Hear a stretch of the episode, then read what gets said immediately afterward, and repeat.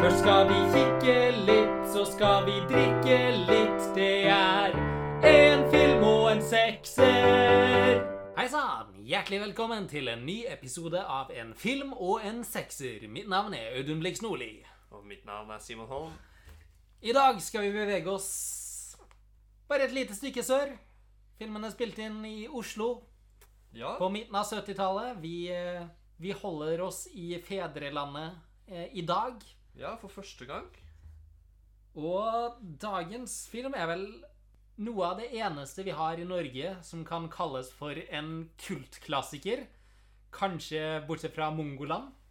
Ja, det er jo visse for eksempel komediefilmer eller tidlig skrekkfilmer som er så dårlige at de kan claime en slags kultstatus, men det er i alle fall ingen som har like definitiv kultstatus som det denne filmen har. I dag skal vi snakke om Lasse og Geir. Og jeg tror bare vi skal sette i gang med det. La oss gjøre det. Vi starter jo i denne filmen direkte med vår eh, absolutt største interesse hva spillefilmer angår. Tittelsekvensen. Ja, Og den her har jo en del til felles med Profondo Rosso på mange måter. Ja, egentlig også Pink Flamingos. Mm. Bare med enda litt mindre som faktisk skjer på skjermen. For her er det en svart bakgrunn, og det er rød skrift som beveger seg oppover den. Mm. Og en frue synger en salme. Ja, alltid freidig når du går. Alltid freidig når du går der, altså. Dere hørte det direkte fra bibelbeltet. Ja. Og det, det varer jo et par minutter, eller noe sånt. Ja. Du vet liksom ikke helt hva du har kommet til på det her tidspunktet. Nei. Det svarte og røde sier én ganske tydelig ting, mens salmen sier noe helt annet. Ja. Men det er jo en slags kontrast som skapes av denne tittelsekvensen, som ikke skapes automatisk i tittelsekvensen, men ganske fort etterpå. Fordi med en gang vi ikke er i tittelsekvensen ennå, så er det noe ganske lite salmeaktig man hører og ser. Absolutt, absolutt. Vi blir jo øyeblikkelig, eh, etter at det har kommet bilde på skjermen, møtt av eh, et par langhårede unge herrer som bare roper ut Roper ut uh, så mangt. Om det så er om TV eller kjønnsorganer eller mor og far eller hva det måtte være. Det, virker jo først som de har en slags sånn ordkombinasjonslek. Mm. At de har et uh, grunnord, og så skal de kombinere det på så mange måter som mulig. Men plutselig beveger de seg til helt andre ord og andre områder. Det blir Så- plutselig mer fri assosiasjon. Ja, Eh. men eh, de beholder jo det at de setter sammen ord, da. Mm. Og vandrer nedover gatene i Manglerud og blir ropt eh, på av en eldre herremann. Og ser ikke ut til å bry seg så mye om det, egentlig. Ja, de svarer jo nokså freidig tilbake med den første av filmens veldig mange veldig quotable replikker. Hold kjeften på deg, ditt gamle vrak! Og det er bare begynnelsen. Ja, Eh, De to unge herrene, eh, Lasse og Geir På dette tidspunktet vet ikke- vi ikke hvem som er hvem. eh, Går inn på en butikk og kjøper seg en hel haug med øl. Og stjeler en god del ekstra øl. Og slenger seg rett på bussen. Ja og her eh, begynner de å Skal vi si at de harselerer med de andre passasjerene. Ja, det er vel en god måte Eh. å si det på. Rett og slett unge, unge, unge slemme, langhårede gutter i skitne klær som ja, går rundt og disser de andre folkene som helst bare vil være vanlige nordmenn på bussen og unngå øyekontakt. Ja, Men som også blir veldig provosert veldig fort. Ja, det er voldsomt. Det, det kommer en annen ung, langhåra herre bort til dem ganske tidlig og spør om de ikke kan holde opp. Og her kommer enda en av de mest fantastiske replikkene, når Geir svarer Er du liberal, din jævel?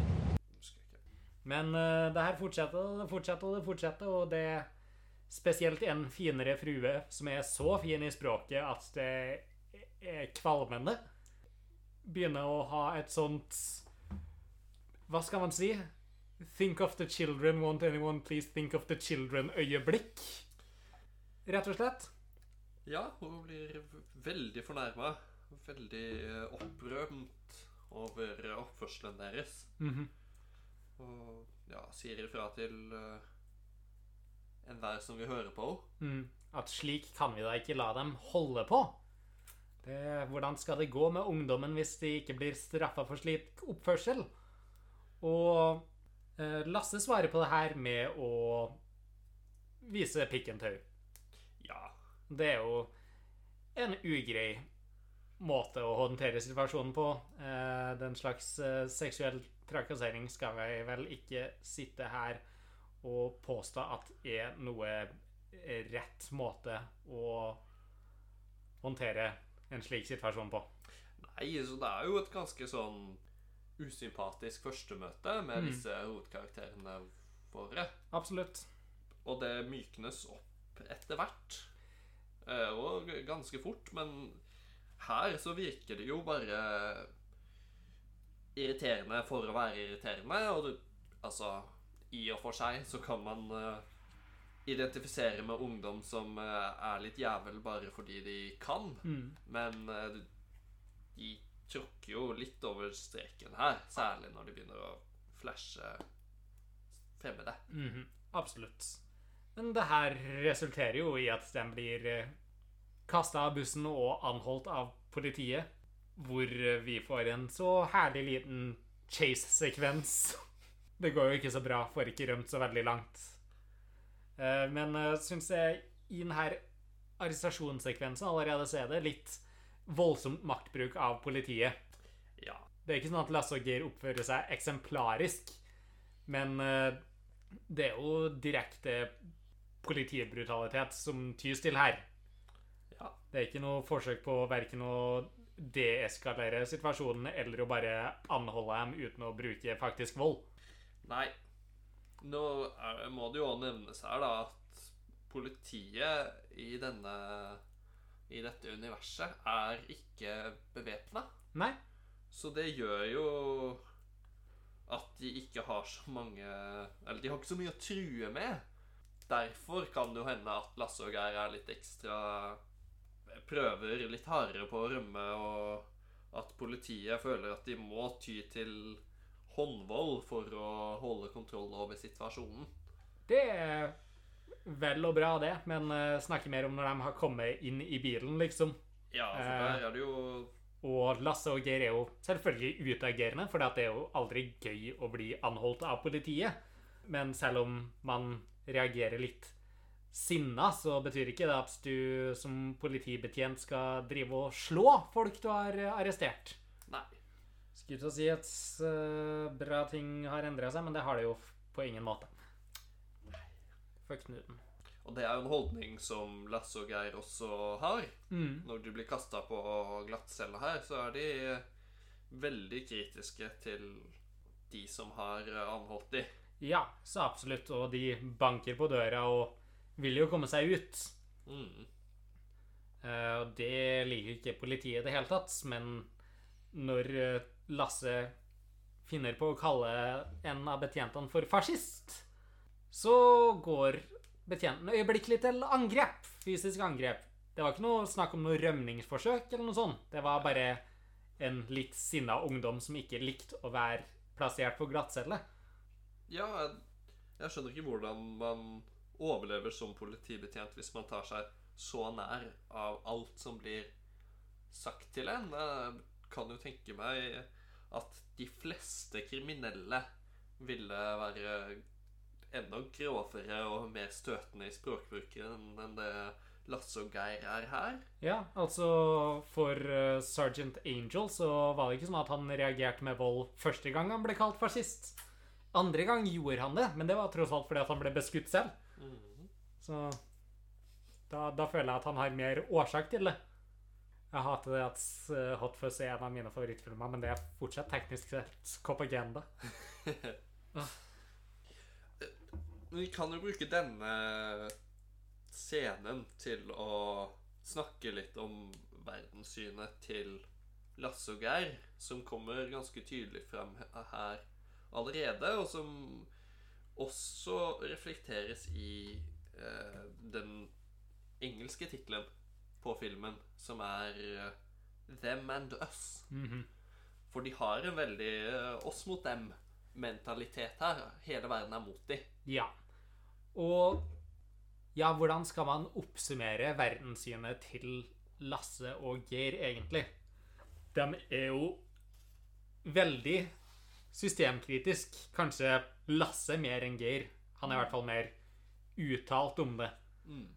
Og forakter jo det systemet de lever etter, og forakter alle dem som blir lurt av det systemet til å leve som snille borgere. Men samtidig så er det jo absolutt ikke på ML-sida. De da marxist-leninistsida Det her var jo AKPs eh, storhetstid i Norge. Eh, de har jo absolutt ingen intensjoner om å slenge seg med de, den gjengen med ML-ere som går forbi dem i en senere scene. Jeg tror det kan oppsummeres ved at de vil leve fritt. Mm. Ja, de- er jo litt sånn retningsløse anarkister, Mm. egentlig. De har innsett at systemet ikke funker og er jævlig å leve i. Men de har ikke noe sånn bedre forslag eller en plan for hvordan de kan bedre det. Mm. Men de kommer seg nå ut, da. Blir jo sluppet fri etter hvert. Ja. Kommer seg begge hjem. Og vi får jo med en gang se hvordan Geir lever. Mm. Og det blir åpenbart både fra denne scenen og senere interaksjoner med hans foreldre at eh, han har tydeligvis ikke hatt den greieste oppveksten. Nei. Det er jo åpenbart at han lever med alkoholiserte foreldre. Mm. Leiligheten er jo en svinesti Ja. overalt. Det er jo skitten oppvask og tomflasker og bokser eh, ligger strødd. Mm. Og mora ligger på sofaen i eh, og sover av seg rusen. Ja. Og hvis det er som det pekes til at det er sånn her han er oppvokst, så har det jo vært en viss mangel på omsorg, mest sannsynlig i alle fall. Mm. Som jo er leit. Ja, for dette innleder jo den sekvensen i filmen som eh, skal få oss til å føle litt for Lasse og Geir og heie litt på dem. Ja. For vi får jo se rett etter dette at Geir faktisk har et uh, godt hjerte. Mm. Eh, han står og blokkerer togdøra for å unngå at det kjører fra en gammel dame som ikke klarer å løpe for å ta det igjen. Mm. Han gjør det, holder døra åpen, gamle damen kommer seg på, og konduktøren er sint på han eh, på grunn av det her. At huff a meg, døra ble holdt åpen i fem sekunder ekstra, sånn at en gammel dame slapp å vente på neste tog. Eh, toget her kommer ikke til å kjøre før han går av. Nei. Og da er det jo et par eldre herremenn, eller først en eldre herremann, som tar tak i Geir og drar han med ut. Og der gjør jo Geir ganske sint. Så han slenger jo ut noe frekke replikker til denne mannen. Da er det en annen eldre mann som reiser seg. Man tror kanskje først at han skal stå på Geir sin side, men nei da, han bare gir Geir en liten ørefik og sier at sånn snakker du deg ikke til folk. Og fy faen, når det er denne behandlinga han får når han prøver å være snill, så er det ikke rart at han eh, ikke gidder å være snill hele tida. Nei, og det, det er jo Det er jo en sånn irrasjonalitet til stede her og, i alle parter, bortsett fra Geir.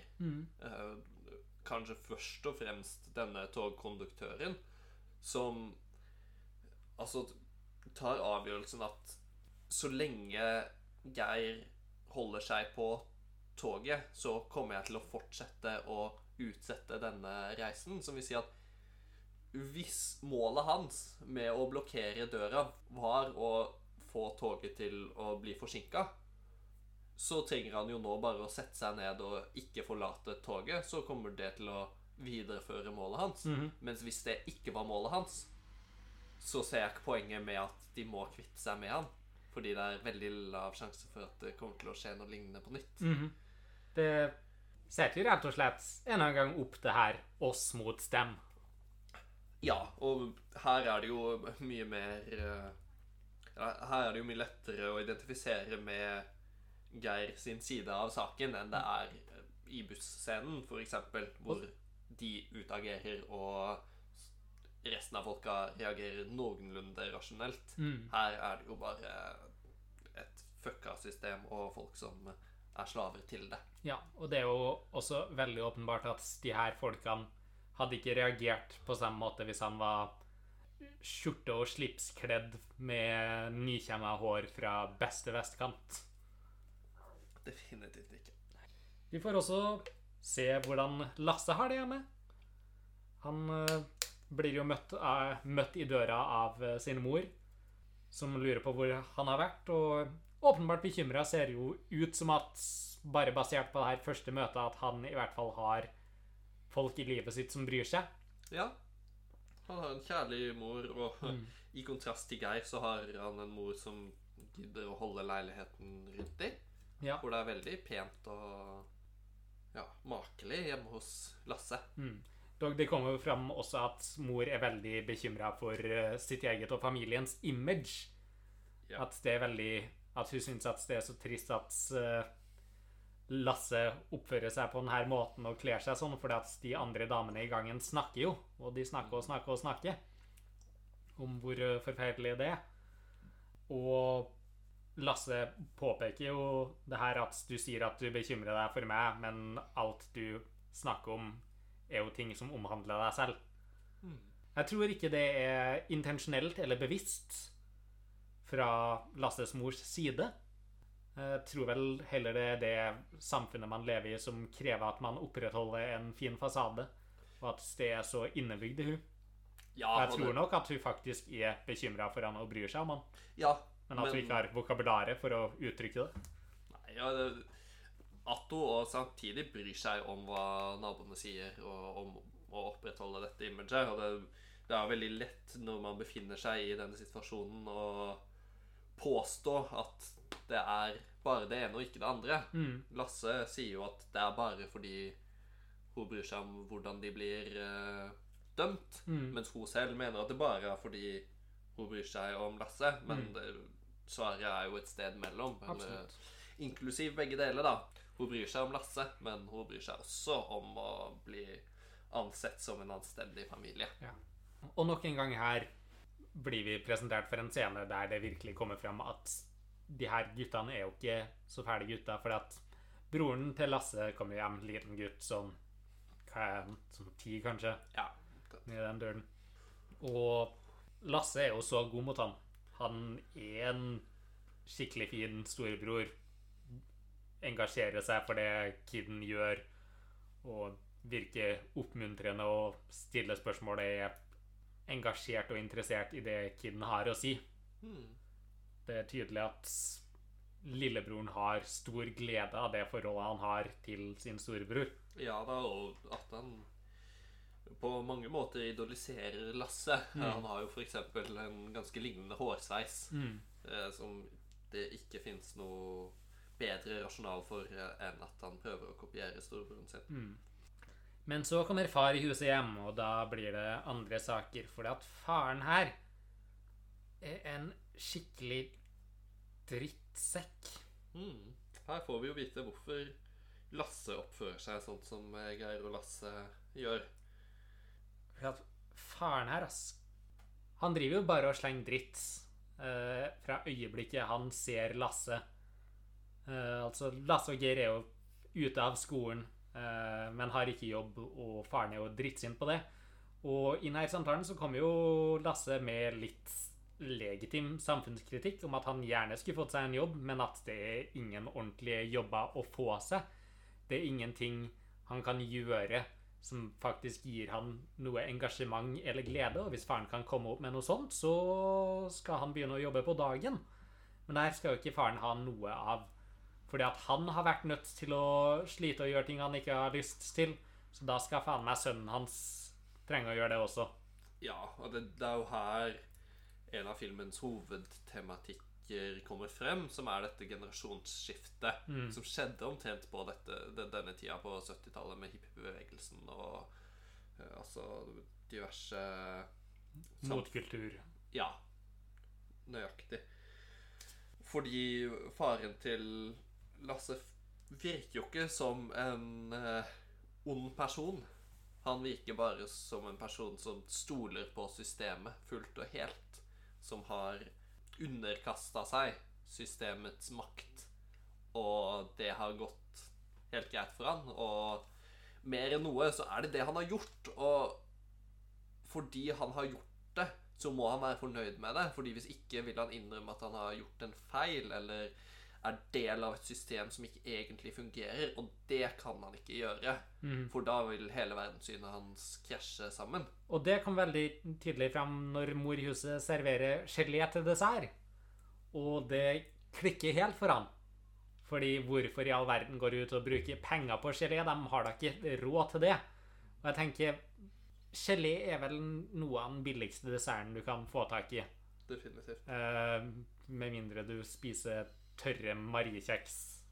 Og det er det. Og hvis han har slitt og strevd i så mange år, og dem da ikke kan ta seg råd til å spise gelé en gang iblant, så er han så overkjørt og så utnytta av det her systemet at det er helt drøyt. Og da er det bare deprimerende at han ikke er i stand til å se det. Ja, for det, det virker jo Eller det er jo veldig tydelig her at han bryr seg ikke om glede. Han bryr seg ikke om nytelse. Han bryr seg bare om penger og tjene mer penger og tjene nok penger og ha penger. Uten å ville bruke disse pengene på noe som kan gi han eh, noen ting. Han vil bare ha penger for pengens skyld fordi det er det han har blitt fortalt og blitt overbevist om at er alt som har noe å si.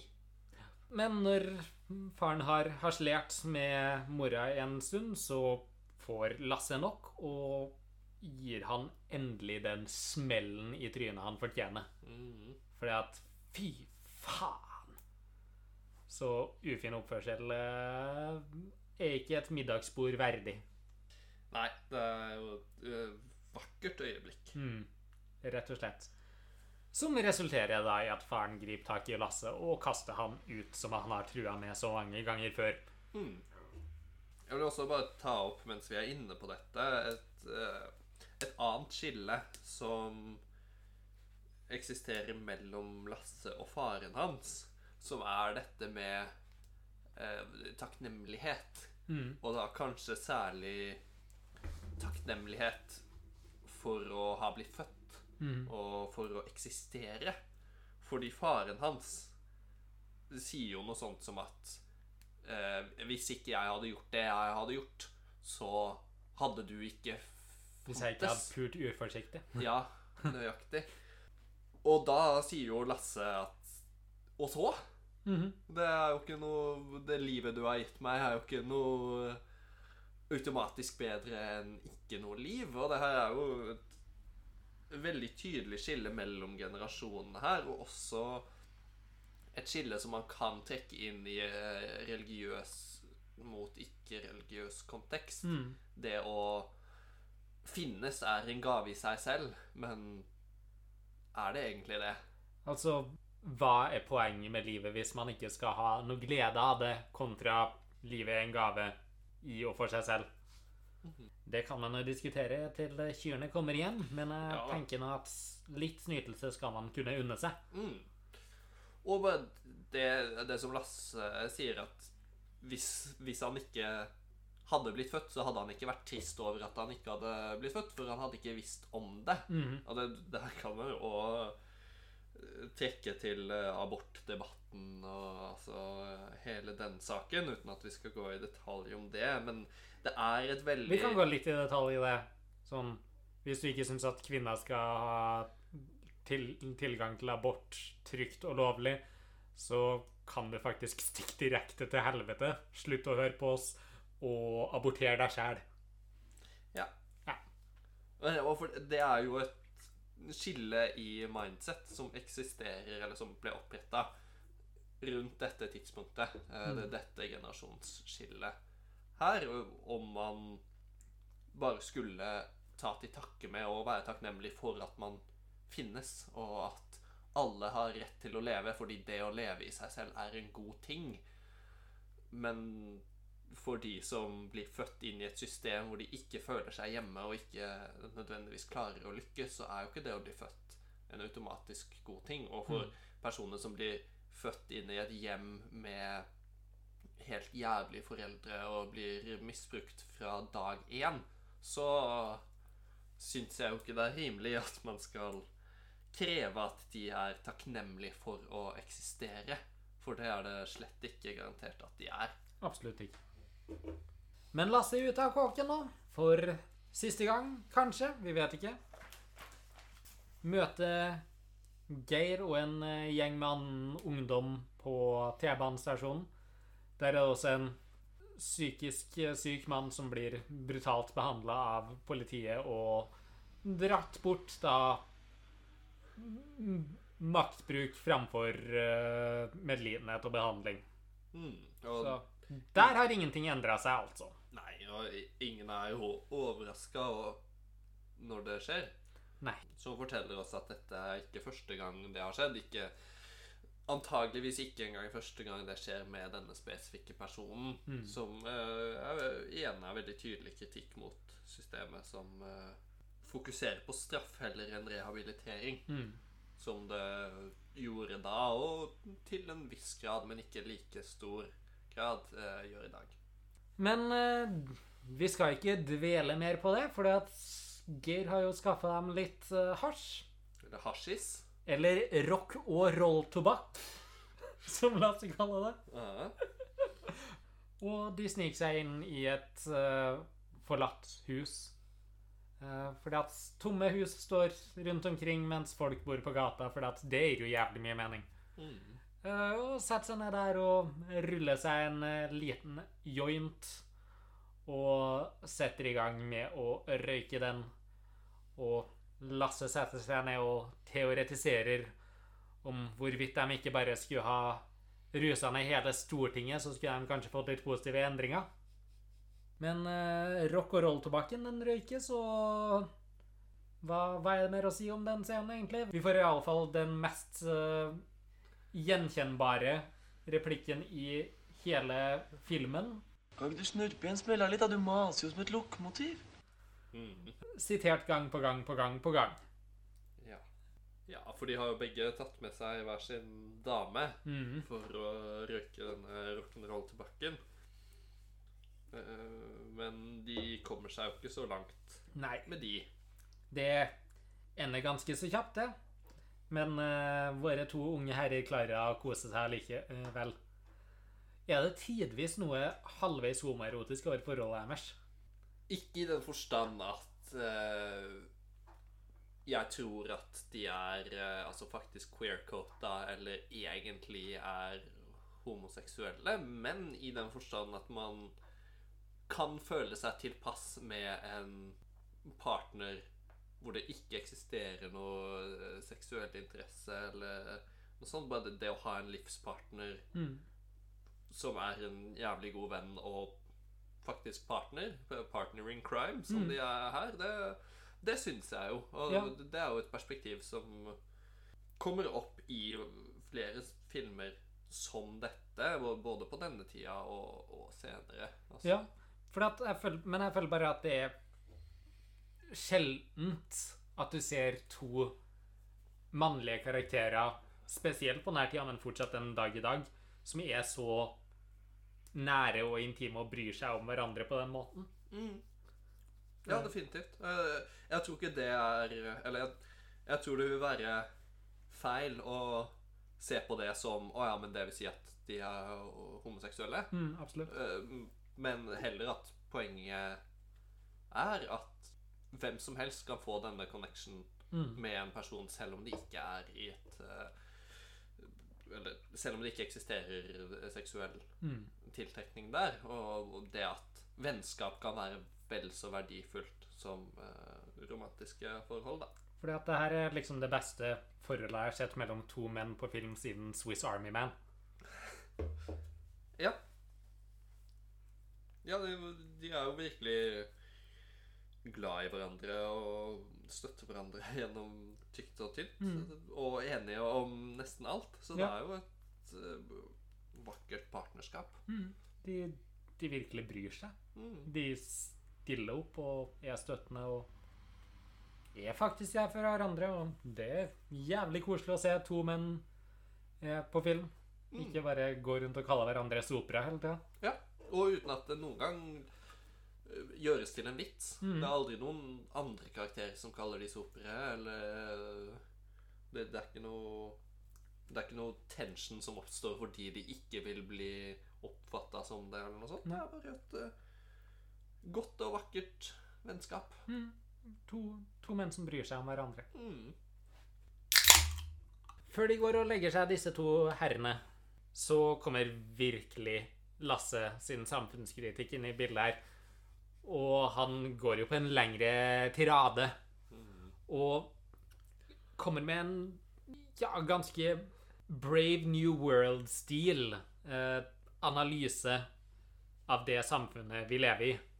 Altså snakker jo klart om hvordan den eh, gjennomsnittlige nordmann har blitt forgifta av å gå på jobb og så komme seg hjem og sette, ned, sette seg ned foran eh, TV-boksen og spise vassende kjøttkaker og Kims potetchips.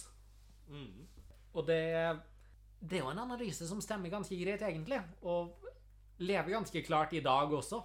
Ja, så absolutt. Det er ikke Gullrekka har aldri dødd ut, og potetgullet flytter fortsatt i veldig stor grad. Og man finner seg fremdeles i eh, fem dager i uka, åtte timers arbeidsdager. arbeidsdager. Det er, jo, det er jo litt samme systemet som beskrives der. At folk drar på jobb, men finner seg i det fordi at de har masse enkel tilgang på underholdning og narkotika og sånn. Og lever godt med å bli undertrykt og utnytta fordi at de blir fora med masse ting som får dem til å glemme det. Veldig lignende analyse da, som kommer fra Lasse i denne situasjonen, Ja. eh, tenker jeg. Uansett, kvelden tar slutt, og morgenen kommer. Mhm.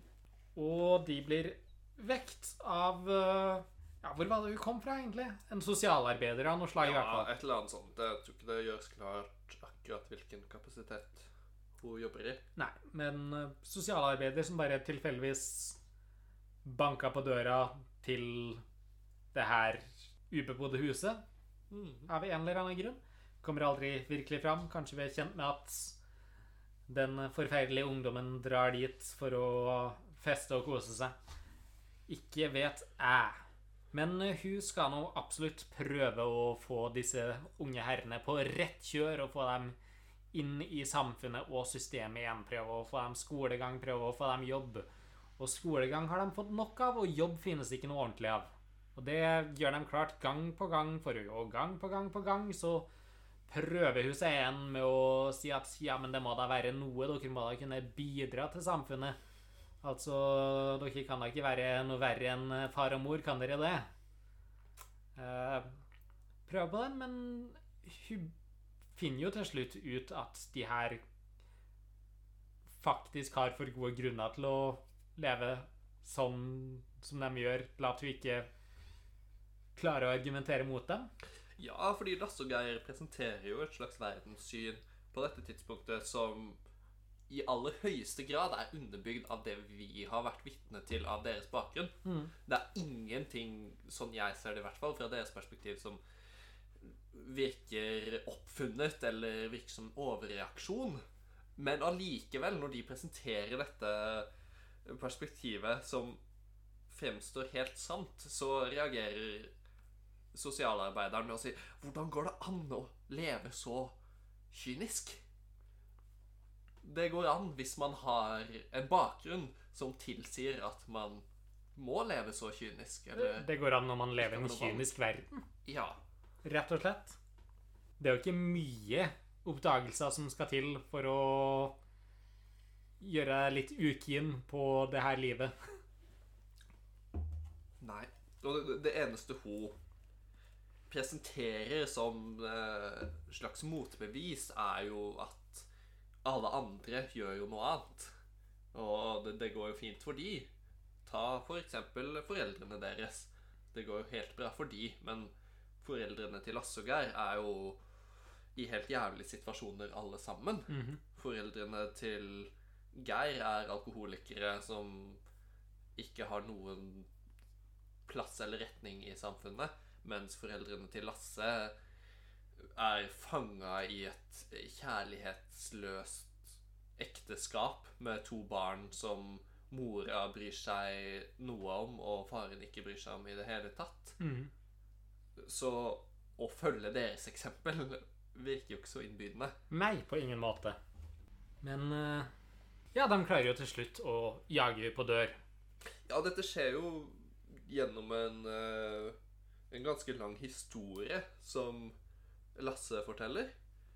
eh, som gjør, skal gjøre det klart hvorfor han er som han er, eller hvorfor han har gitt opp systemet.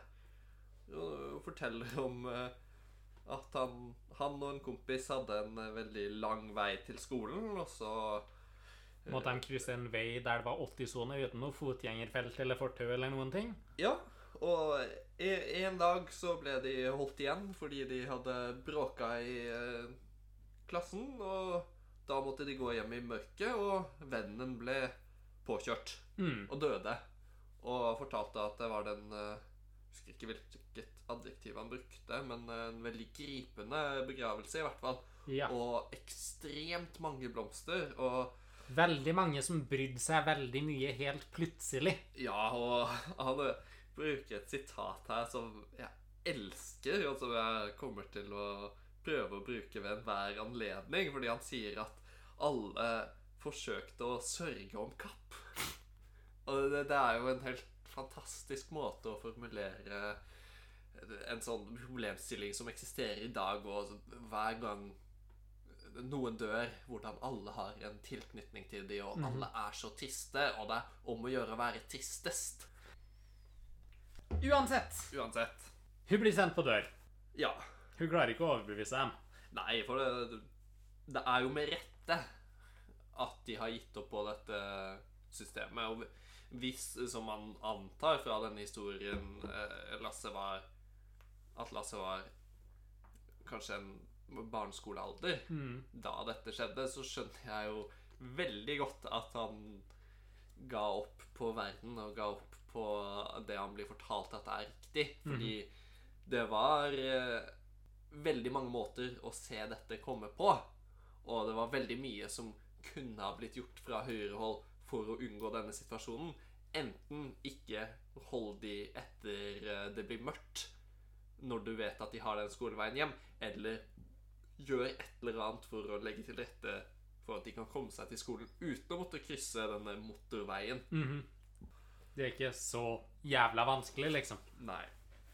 Og det er jo uklart her, men man kan jo tenke seg at denne sosialarbeideren på ett nivå identifiserer med det, eller forstår det, og tenker at her må jeg komme med sterkere ammunisjon hvis jeg faktisk skal overbevise de. For det her er ikke Det her er jo ikke personer som har tråkka utenfor systemet fordi det er hipt. Nei, og det er absolutt ikke bare ungdom som ikke har funnet veien sin ennå. De er veldig klar over hva det er som foregår rundt dem. De forstår samfunnet og systemet de lever under, og de har ikke lyst til å delta i det. Nei. Av gode, gjennomtenkte årsaker. Det er ikke personer som ikke får seg jobb. Det er personer som ikke får seg jobb de ser noen mening i å utføre. Mm, De vil ikke gjøre bullshit jobs, rett og slett. De vil ikke bare finne seg i om å gjøre et eller annet som ikke bringer noe form for glede eller mestringsfølelse 40 timer i uka. Og Nei. det forstår jeg godt. Det, det er derfor jeg sitter med over en halv mill. i studiet igjen. Ja. Men det er jo på en måte det denne filmen handler om. Eller det her er vel en av tingene denne filmen handler om. Dette med sånn eksistensiell tilfredsstillelse.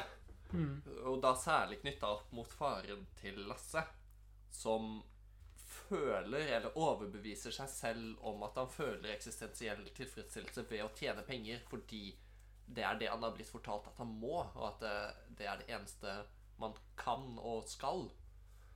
Men hva skjer da hvis man ikke får den tilfredsstillelsen av enten bare å tro på Gud, eller bare å utføre en eller annen meningsløs jobb som gir deg kapital, eller økonomisk kapital. Og det er den situasjonen Lasse og Geir befinner seg i, at de, de tror ikke på Gud, og de tror ikke på samfunnet. Så hva faen gjenstår? Mhm. Og det, det er jo en, eh, en veldig umulig situasjon å løse. Og det kan jo faktisk knyttes til en sånn bevegelse innen film generelt, men kanskje særlig europeisk film på denne tiden. Og kanskje en litt søkt connection, men denne filmen tar jo opp mange temaer som Ingmar Bergman også tok opp Mm.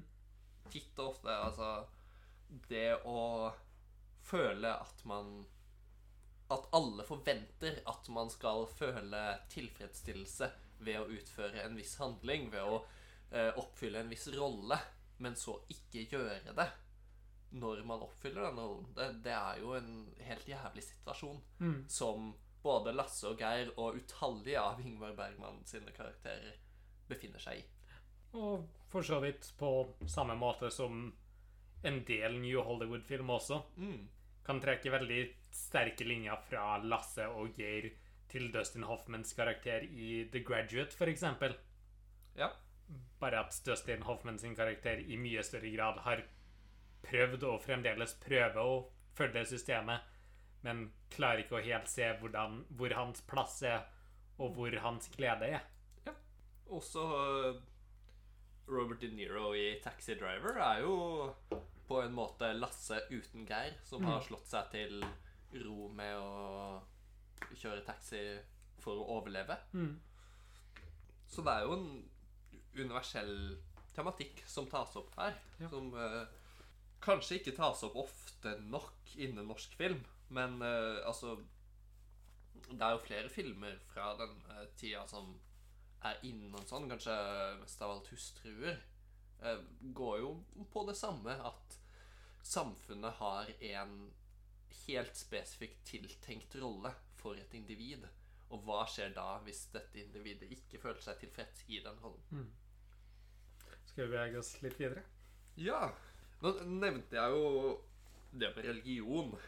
Religionen kommer jo for alvor til uttrykk her i de neste par scenene. For før dette så har vi jo hørt uh, Vi hørte en salme i tittelsekvensen. Vi har også hørt en salme på et eller annet tidspunkt som jeg ikke husker tidligere i filmen. Men uh, nå får vi en ny salme fra en person som de går forbi på gata. Bare still seg opp og sang en salme i uh, ullgenseren sin. Og så går de inn på et gatekjøkken og bestiller en burger og en kaffe og skal kose seg med den. Så kommer det en Hippielignende fyr.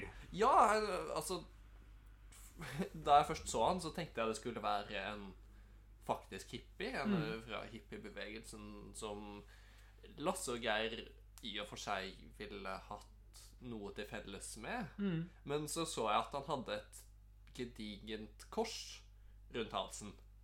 Og da tenkte jeg at kanskje Kanskje det ikke var helt dette skulle. Og det er det jo ikke, for det, dette er ikke en hippie i uh, originalforstand. I hvert fall. Dette er en sånn en kristen hippie. Ja. Som skal ut på tokt og verve nye ved å dele ut religiøs lektyre. Og Ja. prøve å samle inn litt penger. Mm. Eh, Og det gagner jo egentlig Lasse og Geir ganske mye der, for at han eh, stiller seg bort og viser frem det han har å by på til eh, folkene bak skranken, som gir Lasse og Geir en ypperlig mulighet til å snike seg ut uten å betale regninga. Ja, det gjør det. Eh, og det hjelper jo ganske mye på det for dem. Mm. Altså, det var jo Gud som rett og slett strakk ut en hånd og sa Spis gratis, mine barn, dere har fortjent det. Ja. Altså Nesten som han blir religiøs sjæl. Nesten. Ikke helt. Men det blir ikke Lasse og Geir, i hvert fall. De er uh, helt immune til denne recruiteren sine forsøk. Ja, altså, hva har Gud noensinne gitt dem? Han er en faenskap, da. Altså, de er ung, de er sint, de er sulten, de er hjemløse. De har ingenting som bringer dem mening i livet. Så i stedet for å gå i kirka og takke Gud, så bestemmer de seg for å rane en Narvesen-kiosk. Ja. Det er jo en nedlagt Narvesen-kiosk, da, så det er ikke så mye å hente der. De klarer å komme seg inn, møte en bikkje eh, på veien. Men det, det er ikke snakk om noe mer enn småpenger og en ganske solid dose med sjokolade. ja, det er visst det eneste de fortsatt lagrer der. Mm. Og får med, seg, får med seg to fulle bæreposer, så det er ikke snakk om lite. Så de tar med seg det og setter seg på trikken. En god fangst, men det skal godt gjøres å oversette det til eh, penger. Absolutt. Eh, Altså, vet ikke om det var noe stort undergrunnsmarked for sjokolade i Oslo på den tida. Det, det er nok tvilsomt. Ja. Mm. Men, men. Kan jo fylle på dagens kalorier, Mm. i det minste. Blir underernært som faen, men de overlever en stund i hvert fall. Ja. Men på denne trikken så klarer de jo å få oppmerksomheten til en fremmed kvinne som de gir en sjokoladebar til. Mhm. Og hun spiser den på det minst sjarmerende viset jeg noensinne har sett. Ja, hun er liksom en sånn quirky girl. Ja. Hun er vel Hun er vel et veldig tidlig eksempel på en Manic Pixie Dream Girl. Ja, hun er det på en veldig ekstrem versjon av det, og veldig random. Mhm. Og eh, not like other girls. Nei. Helt tydelig, for hun eh, vanlige dama som sitter rett bak Lasse og er jo veldig irritert på dem fordi de tar opp hele trikken med Ja. sine antics. Tar så mye plass og lager så mye lyd. Huff a meg, ungdommen nå til dags, altså. Ja, men denne rødhåra dama bryr seg ikke om det. Nei. Hun bare Koser seg og lever livet, ja, Ja. spiser den sjokoladen som om eh, det ikke finnes noe annen mat i verden. Og Men de kommer seg nå kjapt nok av trikken når nynazistene som sitter to seter bak, begynner å synge. Og de synger jo da en norsk oversettelse av 'Tomorrow Belongs to Me' fra Candor og Ebbs musikal 'Kabaret', som har ganske antifascistiske holdninger. eh, Tør jeg påstå, som en fyr som har sett denne musikalen et par ganger. Men det har tydeligvis gått tapt for de par nynazistene som sitter bak, fordi at de synger ut av full hals. Ja, det, det er jo en litt sånn merkelig, men også veldig morsom oppdagelse at de ikke bruker en faktisk eh, nazistisk sang, men en parodi på nazistisk sang. Det, mest av alt så snakker det kanskje til uh, Candor og Ebb sin eh, satiriske evne. Mm. Fordi de klarte å skrive en sang som i hvert fall nazistene i denne filmen claimer som sin egen. Mm. Og fremstiller som en faktisk nazistisk paradesang. Men de stikker nå og blir med denne rødhårede kvinnen hjem. Mm, og hun beviser at dette inntrykket som hun gir dem på trikken, på ingen måte er et falskt inntrykk. Nei. Hun er jo et mareritt. Altså Hun er morsom å se på. Ja. Men hadde jeg møtt denne personen, så hadde jeg holdt meg så langt unna jeg overhodet hadde klart. altså. Hva skal man si? Hun er spesiell. Ja. Finne ut at nå som de har så mye sjokolade, så må de lage gaveposer og dele ut til eh, alle leilighetene i hele komplekset. Mm. eh, ikke en god idé, finner vi ut av etter hvert. Nei. Og så skal de kose seg og ha en sjokoladefest. mm, kaffe og sjokolade. Kaffe og sjokolade og tangodans og hva det enn måtte være. Ja. Før de omsider tar kvelden og går og legger seg. Mm. Og det er, det er jo et øyeblikk her hvor hun bryter ut i engelsk. Mm. Som eh, det, det var, Jeg syns det var så smertefullt. Mm. Det er noe av det verste jeg har opplevd. Det er Jens Stoltenberg-nivå. Ja, ja, det det er helt sånn absurd norsk eh, aksent. Og man kan jo bare spekulere i hva som var intensjonen hennes. Hva som var grunnen til at hun plutselig begynte å snakke engelsk. Hvor det er ikke noe konkret hun parodierer, eller noe behov Det er for denne engelsken. det er jo bare, legge, det er jo bare at hun legger om av en eller annen grunn, men det virker ikke som det faller naturlig for hun å legge om. På ingen måte. Så jeg skjønner ikke hvorfor. Hva er poenget? Nei. Jeg, jeg er genuint usikker på hva filmen egentlig vil med denne karakteren, eller vil at publikum skal få ut av denne karakteren. Men for meg i hvert fall så var det en ekstremt cringy karakter, men altså, også cringy på en god måte. Det er jo morsomt å se henne snakke ubrukelig engelsk. hun brakte jo jævlig mye glede Ja. La si det. Og det, det er ikke en person jeg føler for, og det er ikke en person jeg noensinne har lyst til å møte på ekte. Men eh, i fem til ti minutter av en Hva Vam og vennerød-film, så kan jeg tolerere henne. Men kvelden tar slutt, og de går sammen til køys, og Geir og dama her de legger seg naken, og Lasse er fullt påkledd, og det ser bare alt veldig, veldig rart ut. Ja, det er en merkelig iscenesettelse av denne senga som de skal sove i. Eh, Fordi Geir sitter jo Altså ikke engang strippa ned til undertøyet, men faktisk naken. Mm. Med alt hengende ut. Kan, kan skimte litt penis der. Ja.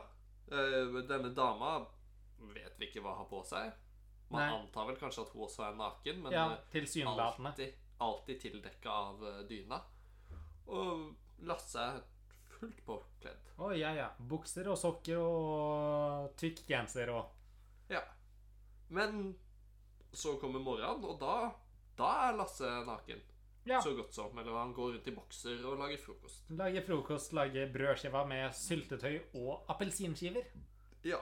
Og de har nå hatt en lengre diskusjon om rett og slett poenget med alt det her. Poenget med livet. Mm. Eh, samme gamle, hun prøver å bringe litt positivitet inn i det. Altså, kan, vi kan kanskje se det som at Lasse og Geir er eksistensiell nihilisme, mens hun er absurdisme. Gir det mening? Ja, eh, jeg kan si meg enig i den, fordi hun, hun har jo de samme verdiene og de samme tankene om systemet som de har, men hun ser ikke poenget i å rebellere, fordi det tilfører jo ingenting til hennes liv. Mm. Hun har heller påtatt seg en nokså kjip jobb, Mm. ta taxisjåfør, men så bruker hun fritida på møte så mange folk hun kan, og utforske denne verden på, på en måte som på ingen måte tilsier at hun har gitt opp på den. da. Mm. Og det er her kanskje forskjellen ligger hovedsakelig. At Mm.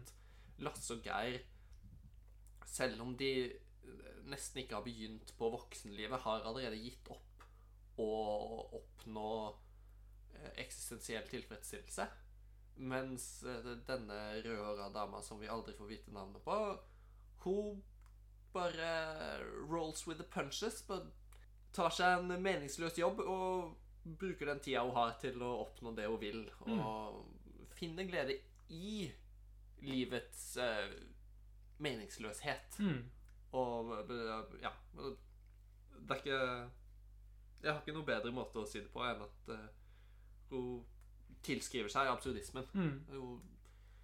Ser på alt som meningsløst, men ikke derfor gledesløst. Ja. Det er fortsatt glede å hente i en meningsløs verden.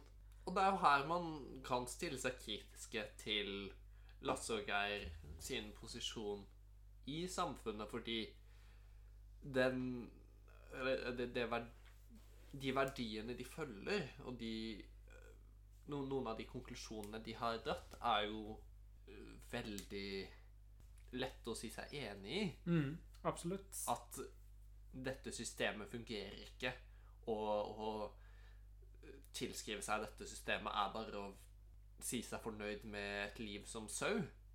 Men måten de rebellerer, er jo også eh, ekstremt lite produktiv. Det er veldig Hva skal man si De strider imot begge de to, må de to måtene man gjerne kan gjøre. De strider både imot denne fruens uh, veier, de absurdistiske veiene, ved å bare leve innenfor systemet, men å skaffe så mye glede på et he- hedonistisk vis for seg selv som han kan. Uh, og de går også imot den revolusjonære doktrinen. Ja. Uh, de gjør opprør. Absolutt. Men de gjør ikke opprør på en måte som fører til endring. Nei, de gjør ikke opprør på vegne av noen andre. De, Mm. de rebellerer mot sin rolle Mm. i samfunnet, og uh, de rebellerer mot presset som eksisterer for å spille den rollen. Men de får ikke noe ut av det annet enn å ikke fylle den rollen. Men morgenen kommer, og de planlegger hva de skal gjøre dagen her. Skal de dra på piknik, eller skal de ta båten ut til hovedøen? Eller skal de eh, dra opp til Vigelandsparken og se på kunst der? Men idyllen blir fort brutt, fordi de får jo nok en gang snut på dør. Ja. Fordi at noen av naboene var ikke veldig takknemlige. For en gavepose full av snop. Og måten de svarer på, er å si at hei, nå er det noen som har hengt snop på døra mi. ja hvem, gjør noe sånt? Hvem ringer politiet i den situasjonen? Jeg vet da faen, jeg. Men uh, altså Alt utenom det helt normale skal jo knuses, skal det ikke det? Og det er jo nok, nok et eksempel på at å gjøre noe hyggelig eller gjøre noe positivt får negative konsekvenser. Mm. I likhet med den eh, togscenen, fordi de kunne bare ha beholdt denne sjokoladen for seg selv, og ingen hadde visst noe, og de hadde kommet seg unna. Men eh, av dette geniale forslaget om å fordele godene til eh, hele nabolaget, så blir de tatt. Så politiet kommer på døra, og hun her eh, rødhåra dama spiller ganske bra. Det virker som hun skal komme seg unna det. Hun sier at "Mm, det er ikke noen her inne, og hvordan det? Men så lager de en veldig høy, veldig unødvendig lyd. Ja. Lasse og Geir. Så da trenger politiet seg inn uten noe egentlig rett til det. Ikke noe, ikke noe tillatelse. Nei. Ikke noe, de har ikke noe ransakelsesordre å gå etter. Og Ingen måte. Hun kunne hatt en eh, ung datter der inne som uh, velta en gryte. Mhm. Men uh... hun kunne hatt ja, begge dem to som sine seksuelle partnere, og hvem faen angår det? mhm. Men Absolutt eh, politiet på et eller annet merkelig vis vet at det var to karer som hadde brutt seg inn i denne kiosken og stjålet sjokoladen. Så det må ha vært et eller annet øyevitne eller noe sånt. Antar man. Mhm. Og når de ser disse to karene, så Blir de dratt inn uten noen form for bevis, eller uten noen form for spørsmålsrunde, eller noe sånt? De blir bare tatt inn fordi at de er unge, langhåra menn. Fordi Selvfølgelig. mm, Nok et øyeblikk med overdrevet maktbruk fra politiets side. mm. Og det blir kjørt av gårde. Og her ender alt. Så, Simon. Hva skal vi si om Lasse og Geir? Det, det er jo i det aller minste veldig lett å se hvordan denne filmen har blitt en kultklassiker. Absolutt. For den er jo, som vi har vært inne på, veldig lett å sitere. Veldig mange replikker som fester seg i minnet. Det er det absolutt. Og det handler jo Altså, det er så mye hverdagslig som skjer. Det er ikke så mye som er veldig high stakes.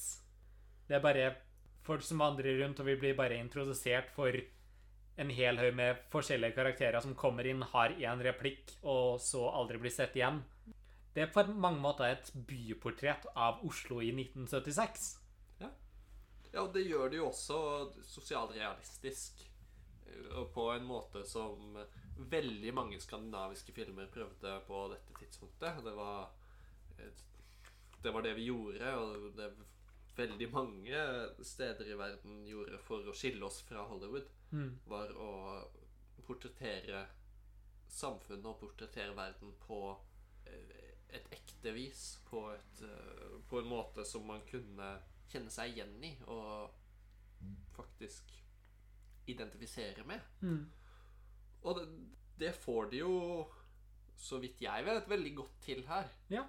For nå levde ikke jeg i 1976, men alt virker veldig autentisk. Virker veldig nøy, nøyaktig Mm. sånn det var, eller sånn det er i denne filmen. Ja, slik jeg kjenner til det universet basert på populærkultur fra samme tid, så virker det vel sånn. Men det jeg tenker på, det er sånn her filmen, Ja, det her er nesten dogme. Ja, Det her er kanskje så nærme du får det dogme uten å være dogme. mm. Hva, hva tenker du om det? Men altså, det er jo noe kostymer og noe Noe ikke-diegetisk musikk, Ja, men det? Men det er sånn Det er tre scener med ikke-diegetisk musikk, hvis jeg ikke tar feil. Det er, Mm. det er de to scenene med politiet der det er litt chase-musikk. Og så er det Ja, og så er det noe montasje. Mm. Og det er det eneste. Ja.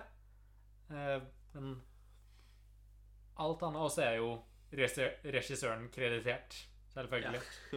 Eh, og politiet bærer kostymer, og de har leid inn en buss.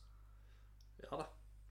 Men, Men, det, det følger jo i dogmeånden, eller eh, Man kan jo se på det som at dogmebevegelsen var jo egentlig et forsøk på å komme seg tilbake til denne typen filmskaping som Mm. hadde eksistert i Skandinavia på 60- og 70-tallet, som var prega av en sånn ekstrem sosialrealisme. mm, hvor eh, alt var jo trist og jævlig. Og kanskje pent å se på, men det var få oppløftende historier. mm. Men det, det her er ikke så jævlig pent å se på. Nei, nei, for- altså for all del. Men det, her er, det her er veldig sånn Det er veldig Det er en veldig punk-film på, mm, på mange måter. Sånn Punken hadde ikke fått direkte fotfeste ennå på denne tida. Det var fortsatt på undergrunnsklubber i New York. Men det er veldig DIY-følelse mm, over hele denne filmen. Det er jo håndholdte kamera over hele linja. Det er ikke noe profesjonell belysning Nei, nei, i det hele tatt. Det er Det er veldig ekte. Og det, den her Nå tenkte jeg mer på altså typ Bergman-filmer, som er sosialrealistiske, Ja, men samtidig er eh, skutt av eh, Sven Nyquist og bare fantastisk vakre å se på. Men eh, samtidig så er jeg jo en veldig stor fan av den 70-tallsestetikken Mm. som skinner gjennom i en film som dette, både når det kommer til design på biler og bygninger og fargebruk i samfunnet, men også kostymene her. Med altså jeans og jakker og Det er et eller annet ved det som er veldig appellerende for meg, i hvert fall. Mm. Det, det, er jo uh, preget av en sånn en nostalgisk linse, men jeg er, jeg er fascinert mens jeg ser på det meste av denne filmen. mm. Og uten Selv uten å ta inn over meg handlingen eller dialogen, så klarer den filmen å holde meg engasjert bare fordi det er en veldig tro 70-tallsskildring. Og det interesserer meg. Så må vi jo snakke litt om skuespillet i denne filmen. Ja. Fordi det er jo veldig ekstremt mye av det. Ja, det, altså allerede fra første scene så er det jo en veldig sånn teatralsk stil over uh, særlig dialogen. Mm. Uh, både hvordan den er skrevet, for den er skrevet veldig nøyaktig og ikke så realistisk, noe den har til felles med de aller, aller fleste norske filmer noen ganger laget. Men også hvordan den er fremført. For disse skuespillerne For det første så snakker de veldig høyt. Mm. Og for det andre så er de veldig velartikulerte. Vi så denne nå uten tekst, fordi DVD-versjonen har ikke tekst. Og det, det hadde jo ikke gått hvis de hadde snakka vanlig. Så det hadde vært litt skurrete lyd, eller hvis de hadde vært litt eh, Hvis de hadde hatt litt dårligere diksjon, så hadde jo det blitt veldig slitsomt å følge med på. Men de snakker veldig klart og veldig tydelig og veldig urealistisk, og da får man det med seg. Mm. En annen ting jeg legger merke til, som igjen har til felles med Pink Flamingos, er at det tilsynelatende er flere ganger at de feiler litt på replikkene, men bare går videre. Ja, Spesielt Lasse og Geir. Roter seg litt bort, men bare kommer seg inn igjen og kjører på. Ja, og det, det er jo fordi det er relativt sett ganske lange takninger i denne filmen, og særlig noen av disse monologene eller dialogscenene. Eh, den historien Lasse forteller om skoleveien osv., er kanskje det mest prominente eksempelet, for jeg tror den er skutt i en tagning, Mm. hvis ikke jeg husker feil. Og der snubler han jo på et eller annet tidspunkt. Mm. Men han bare fortsetter, og det, det, det gjør ikke noe. Og det, det, det gjør det jo til en mye mer ekte situasjon. Ja, for at man snubler jo i dagligtale også. Ja, man stopper opp og tenker Hva skal jeg si nå? Ja, det fører jo, som du sier, til en mye mer realistisk atmosfære. Det er ikke noe sånn blankpolert dialog. Nei, og det, det er jo noe jeg gjerne skulle hatt litt mer av i denne filmen. Hvis man først skal lage en sosialrealistisk spillefilm, så syns jeg det hadde gått helt fint å gå bort fra de teatralske rammene som var veldig prevalente i norsk film på dette tidspunktet. Altså, la de si replikkene med litt forandringer hver gang. Mm. Vi så jo en sånn uh, behind the scenes-greie med, med en av hovedskuespillerne som sa at hele manuset var skrevet, og det var Hvis det var noen endringer, så måtte de komme med det på forhånd. Så det, ingenting er improvisert, selv om man kan kanskje tro at noe av det ville vært improvisert. Så er det ikke sånn. Men jeg syns jo man merker veldig godt at det ikke er improvisert. Man ser at dette er skrevet på forhånd. Ja, og det Dialogen, bare ut fra ordene, virker jo som noe man bare blurter ut. Det virker absolutt ikke noe som er nedskrevet på et papir i skrevet i nedskrevet form. Det virker veldig dagligtale, men i oppvisninga av det så er det et innøvd manus som man presenterer. Ja, dette er jo en veldig innøvd skuespillerstil, hvis man kan kalle det det. Det er aldri noe tvil om at de vet nøyaktig hva de skal si før de sier det. Det ser man jo på på ansiktsuttrykk og på altså, visuell fremtoning, og man hører det på måten de leverer replikkene på. Har du noen avsluttende tanker, Simon? Dette er jo en kultfilm. Ja. Og jeg tror absolutt at den tjener på å leses som en kultfilm. Fordi hvis man ser på en film ut ifra de rammene, så er det mye lettere å tilgi f.eks. den billige produksjonen. eh, Eller å tilgi at den har et veldig sånn eh, hverdagslig og uimponerende visuelt uttrykk. Men samtidig så har den jo noen verdier som overgår det å bare være en kultfilm. Den, den har noen samfunnskritiske linjer som eh, jeg tror var veldig i tiden og Ikke at denne filmen var det, men at de tankene var viktige. da den kom ut, eh, men som også kan appelleres til dagens samfunn.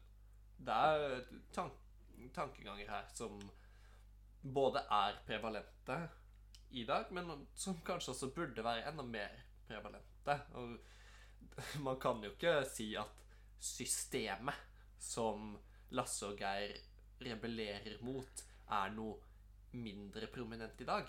Så absolutt ikke. Så det har jo en dimensjon ved seg som eh, kanskje har blitt styrket av tiden. Uten at man må se på det i et sånn ironisk kultperspektiv. Mm. Så eh, det er vel hoved Hovedtingen jeg tar med meg fra denne filmopplevelsen, Jeg forventa at det skulle være en sånn eh, replikkfest.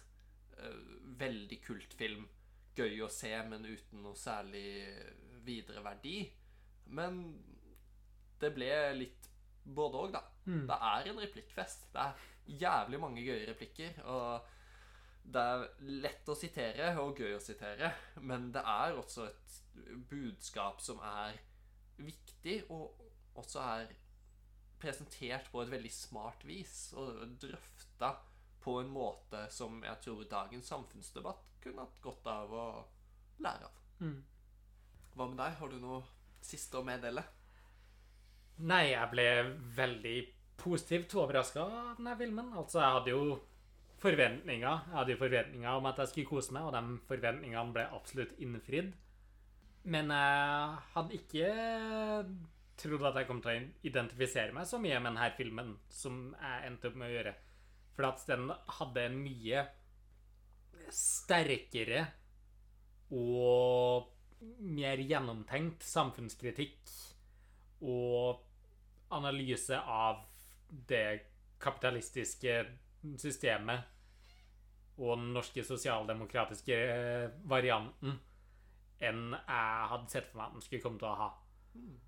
Og det var mange av spesielt Lasses monologer der jeg bare satt og nikka med og tenkte ja, for faen, ja, for faen.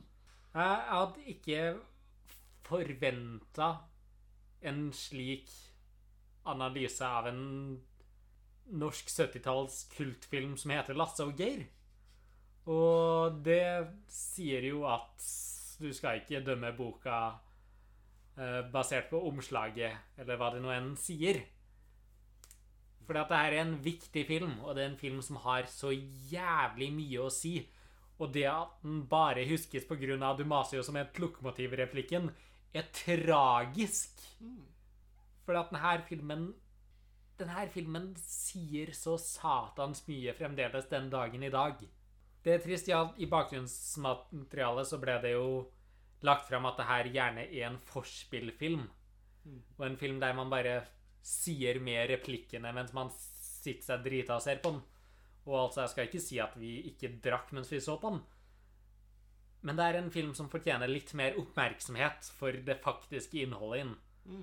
Og jeg tror også at det er dags for at det kommer en Lasse og Geir for vår generasjon.